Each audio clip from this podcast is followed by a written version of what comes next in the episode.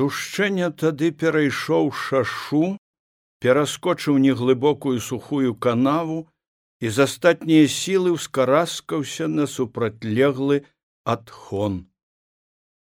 Ззаду і на дарозе все было ціха.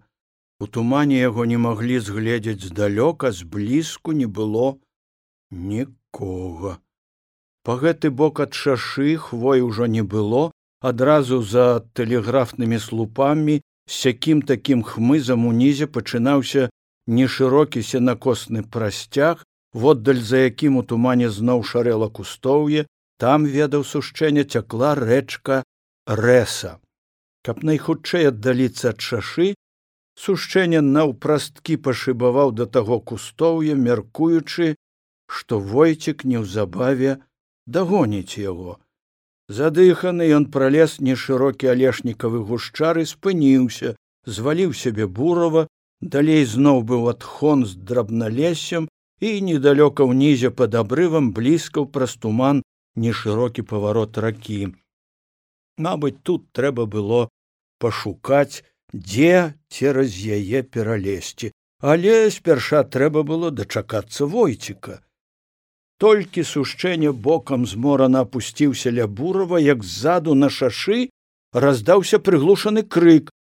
Незразумела але як здалося сушчэнню страхавіта пагрозлівы і зараз жа дробна пратрашчала чарга. За ёй другая і трэцяе сушчэнне спярша ўгнуўся прыпаў да зямлі затым успомніў пра свой наган і трыготкімі пальцамі выдраў яго з кішэні. Нейкі час ён не ведаў што яму трэба рабіць затаіцца уцякаць ці бегчы насустрач войціку які пэўна трапіў у бяду.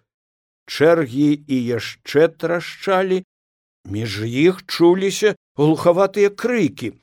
Толькі адсюль ён нічога зразумець не мог невядома нават на якой мове крычалі.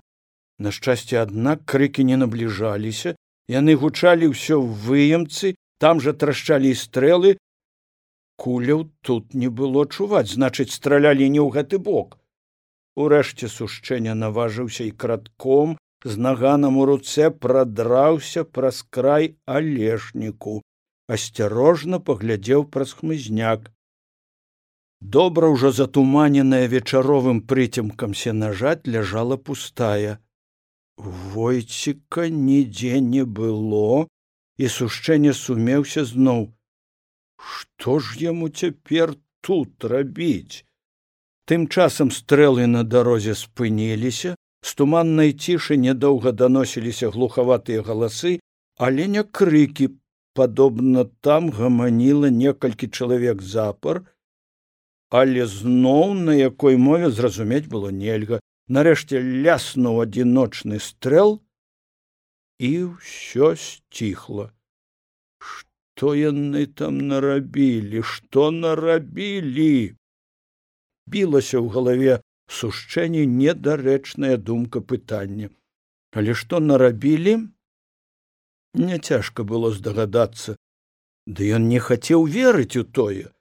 Ён усё ўзіраўся ў прарывістую грыўку кустоўя каля шашы пад слупамі і чакаў што адтуль паявіцца войцік Дывойчык не паяўляўся. Ад стома і напружання ў сушчэнні пачало дваіцца уваччу. Ён і не заўважыў, як зусім змерклася, змрочны туман зусім праглынуў хмызняковы шнурок пад правадамі, сцяну хвой па той бок шашы, не ў прыкмет заславы не шырокі прасцяг сенажаці. На трохі яшчэ светлаватым небе ў гары адбілася чорная сучча алешын настала ноч. Нядоўгая трывога на шашы ўляглася. Галасы змоўклі падобна было што там усё затаілася. Ці можа яны паехалі? Але маторнага грукату ён не пачуў хіба там не было аўтамабіляў? Тады што там было? І адкуль узялося усё не ў стане саўладаць з хваляваннем. Сушчэнне вярнуўся назад да бурава які даўно абыякавы да ўсяго ляжаў на спіне пад кустоўем. Тут ён пастаяў паслухаў думаючы што мо войцік паявіцца з іншага месца. Толькі дарма. На лесавых прасторах заўладарыла золкая восеньская ноч ад рэчкі несла зябкаю сырасцю а войціка нідзе не было. Але куды ж тады было падацца сушчэнню сцяміўшы што мабыць войціка тут не дачакацца ён аж здрыгануўся з нячэўку. Это было жахліва. Мала таго што бураў дык яшчэ і войцік што ж тады ён адзін без іх куды ён падасца Ён выйшаў з кустоўя, ступіў некалькі крокаў па сенажаці паслухаў. Цяпер ужо можна было не хавацца у змроку начы зблізку няшмат, чаго можна было згледзець. Хуткім крокам сушчэння прайшоў па траве ўздоўж кустоўя, перадумаў, пайшоў другі бок. Увагу яго ўсё цягнула да сябе шаша. Пэўна, трэба было падысці туды. Ён баяўся, там маглі сядзець ворагі пільнаваць яго або войціка калі таму пашчасціла ўцячы але тое месца дзе ён перайшоў шашу і дзе павінен быў перайсці яе войцік уладарна цягнула яго да сябе і сушчэння наважыўся. Праўда ён не пабег наўпрост цераз сенажаць а павярнуў на ўзб броч даў добрага крука пакуль абышоў тое злашчаснае месца і ля тэлеграфнага слупа з падпорынай вылез на адхон адхон тут быў яшчэ болей высокі. Удзень мусіць дарогу з яго можна было бачыць далёка але гэта ўдзень цяпер жа ні здалёк ні паблізу нічога не было відаць. У выемцы нібы у праваллі трохі курэў змрочны туман. Сушчэння прысеў на адхоне пасядзеў паслухаў пасля з наганам у руцэ ашчадна каб не паслізнуцца спусціўся да шашы перабег яе па сырым гравію і ўскараскаўся на адхон насупраць. Ніхто яго не ўбачыў нідзе ніхто не азваўся.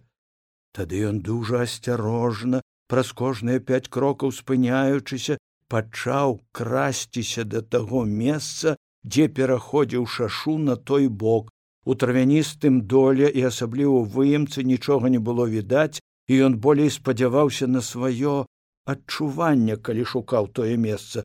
Здаецца недзе тут блізка урэшце падумаў ён. Добра такі пратупаўшы над адхонам.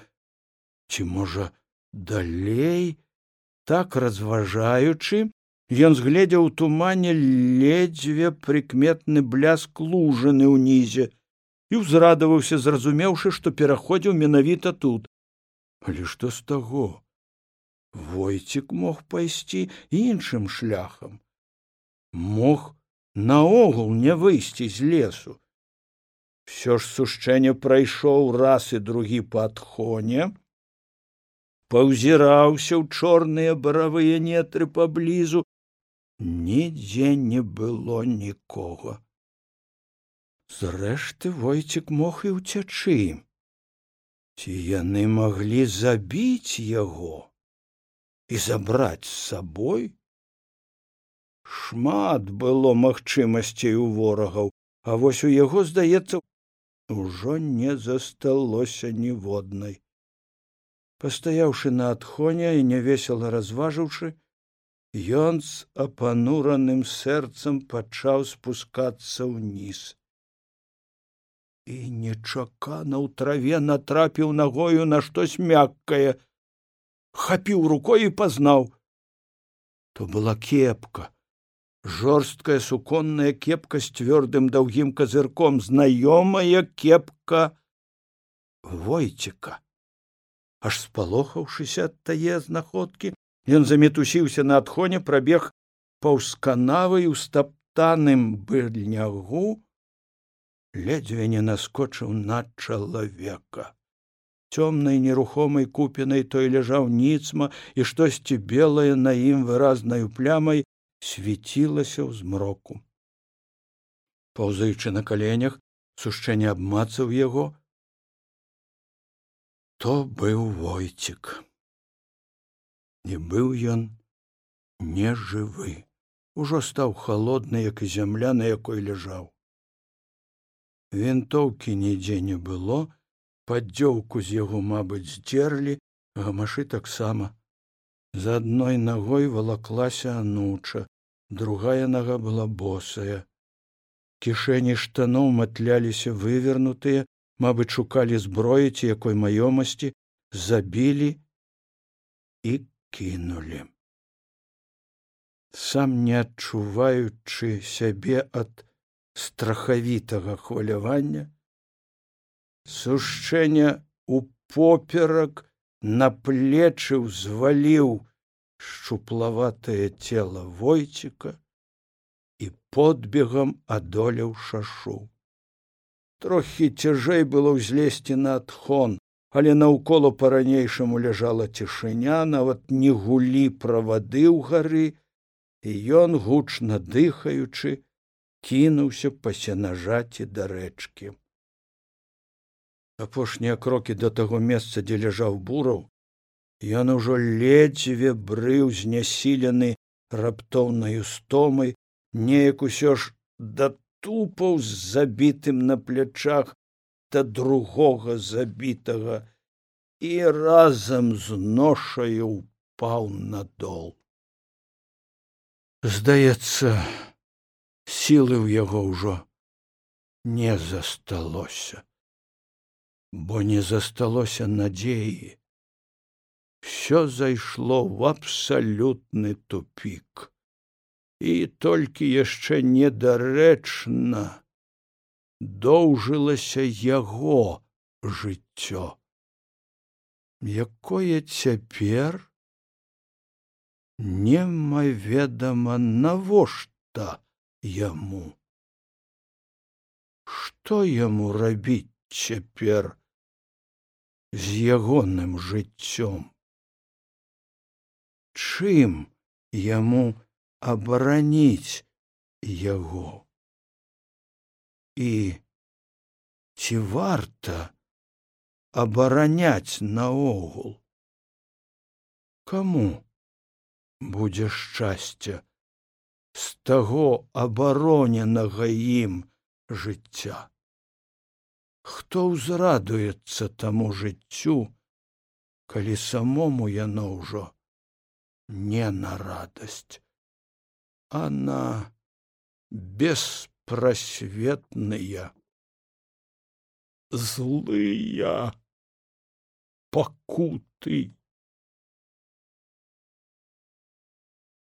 трохі паляжаўшы ён заварушыўся сеў выпрастаўшы ногі сядзеў на золкім доле пагорка праз туманы голае вецце кустоўя унізе па начному цьмяна і санліва паблісквала рака і ляжалі побач двое забітых.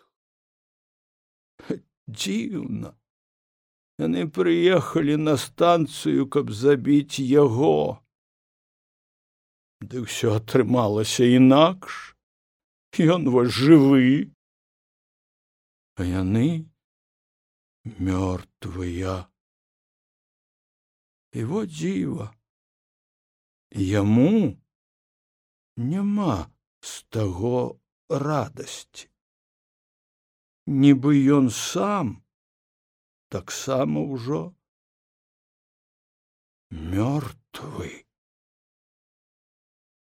Сушчэнне трохі пацягнуўся паправіў войціка перакаціў яго на спіну пасля падумаўшы стаў на калені падцягнуў пад пахі яго танклявае німы у падлетка цела паклаў побач з буравым два партызаны як у страі плячо ў плячо. Толькі адзін босы а так абодва у кашулях без шапак старэйшы малады з вольнымі рукамі без зброі зброя была ў яго чорны міліцэйскі наган з сямю патронамі ў барабане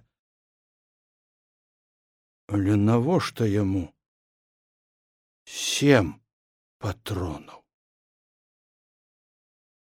яму патрэбны усяго адзін каб падвесці апошні рахунак жыццю ці выкараскацца з гэтага тупіка у які яго загналі немцы вайна і жыццё сумленна як усе на роўных правах з людзьмі жыць ён не мог. А не сумленна ён не хацеў. У яго была жонка радня рос сынок грышачка. Як было класці пляму на іхнія лёсы а не запляміць было ўжо немагчыма. Насуперак свайму жаданню ўсім сваім намаганням. Што ж яму яшчэ засталося? Ну але што ж? Мусіць усё мае свой сэнс і свае законы. Чалавек не ўсё можа. Часам ён не можа нічога. Загінулі ж гэтыя людзі партызаны і патрыёты чым ён лепшы за іх? Ён жа ў іх смертны час быў разам з імі. І ўжо хоць бы таму заслужыў такую самую смерть. Хай яму даруюць людзі жонка анеля сынок ён заўсёды ён стараўся быць добрым мужам бацькам ды вайна ці няшчасны лёс сталі мацней за яго бог ведае як ён любіў іх і колькі натрываўся за іх. Мусіць было б все інакш калі б не гэтая яго любоў якую скарысталі з разлікам тыя што загналі яго ў гэтую пастку пакінуўшы іх заложнікамі. Немец грасмаер скруціў яго лёс. Але ён не пераможа ягоная волі. Ягоная вольная воля. Можа тое адзінае што засталося непадлеглым нікому. Усё ж ён памрэ на свой выбор. Хай хоць гэта суцешыць яго у яго горкай долі. Іншага суцяшэння сабе ён ужо не знаходзіў. Золкай туманнай ноччу група падрыўнікоў партызанскай брыгады дядзі сашы прабіралася на шашу каб замініраваць мост цераз рэсу хлопцы трохі заблудзілі з вечара і выйшлі на дарогу ў баку ад моста. Каб зноў не блукаць паначы і зэканоміць час паціху пайшлі над адхонам ішлі моўчкі насцярожана след услед за пярэднім старшым групы вайсковым сяржантам закружэнцаў вёсак паблізу тут не было паліцыя ўначы не надта гойсала гэтай лесавой дарогай але ўсё ж але ўсё ж трохі ў баку і зводдаль нечакана раздаўся стрэл. Нягучны шчоўкнуў тумане і хлопцы ўсе разам прыселі. Ды стрэлаў больш не было. Хвойны бор за дарогай моўчкі чарнеў у туманным паўзмроку па другі бок за сенажаццю. Наогул няшмат што было відаць. Недзе ў гары за аблокамі. Ужо узышоў месяц. Трохі падсвятліў ноч якая аднак мляўка таілася ў шэрай туманнай навалачы. Так балуецца нехта дурак нейкі ціха сказаў той што ішоў за старшым. Старшы недаверліва пакруціў галавой пілотцы паслухаў і мабыць нічога больш не ўчуўшы засцярожліва пайшоў далей. Іншыя павалакліся следам. Іхні галоўны клопат чакаў іх наперадзе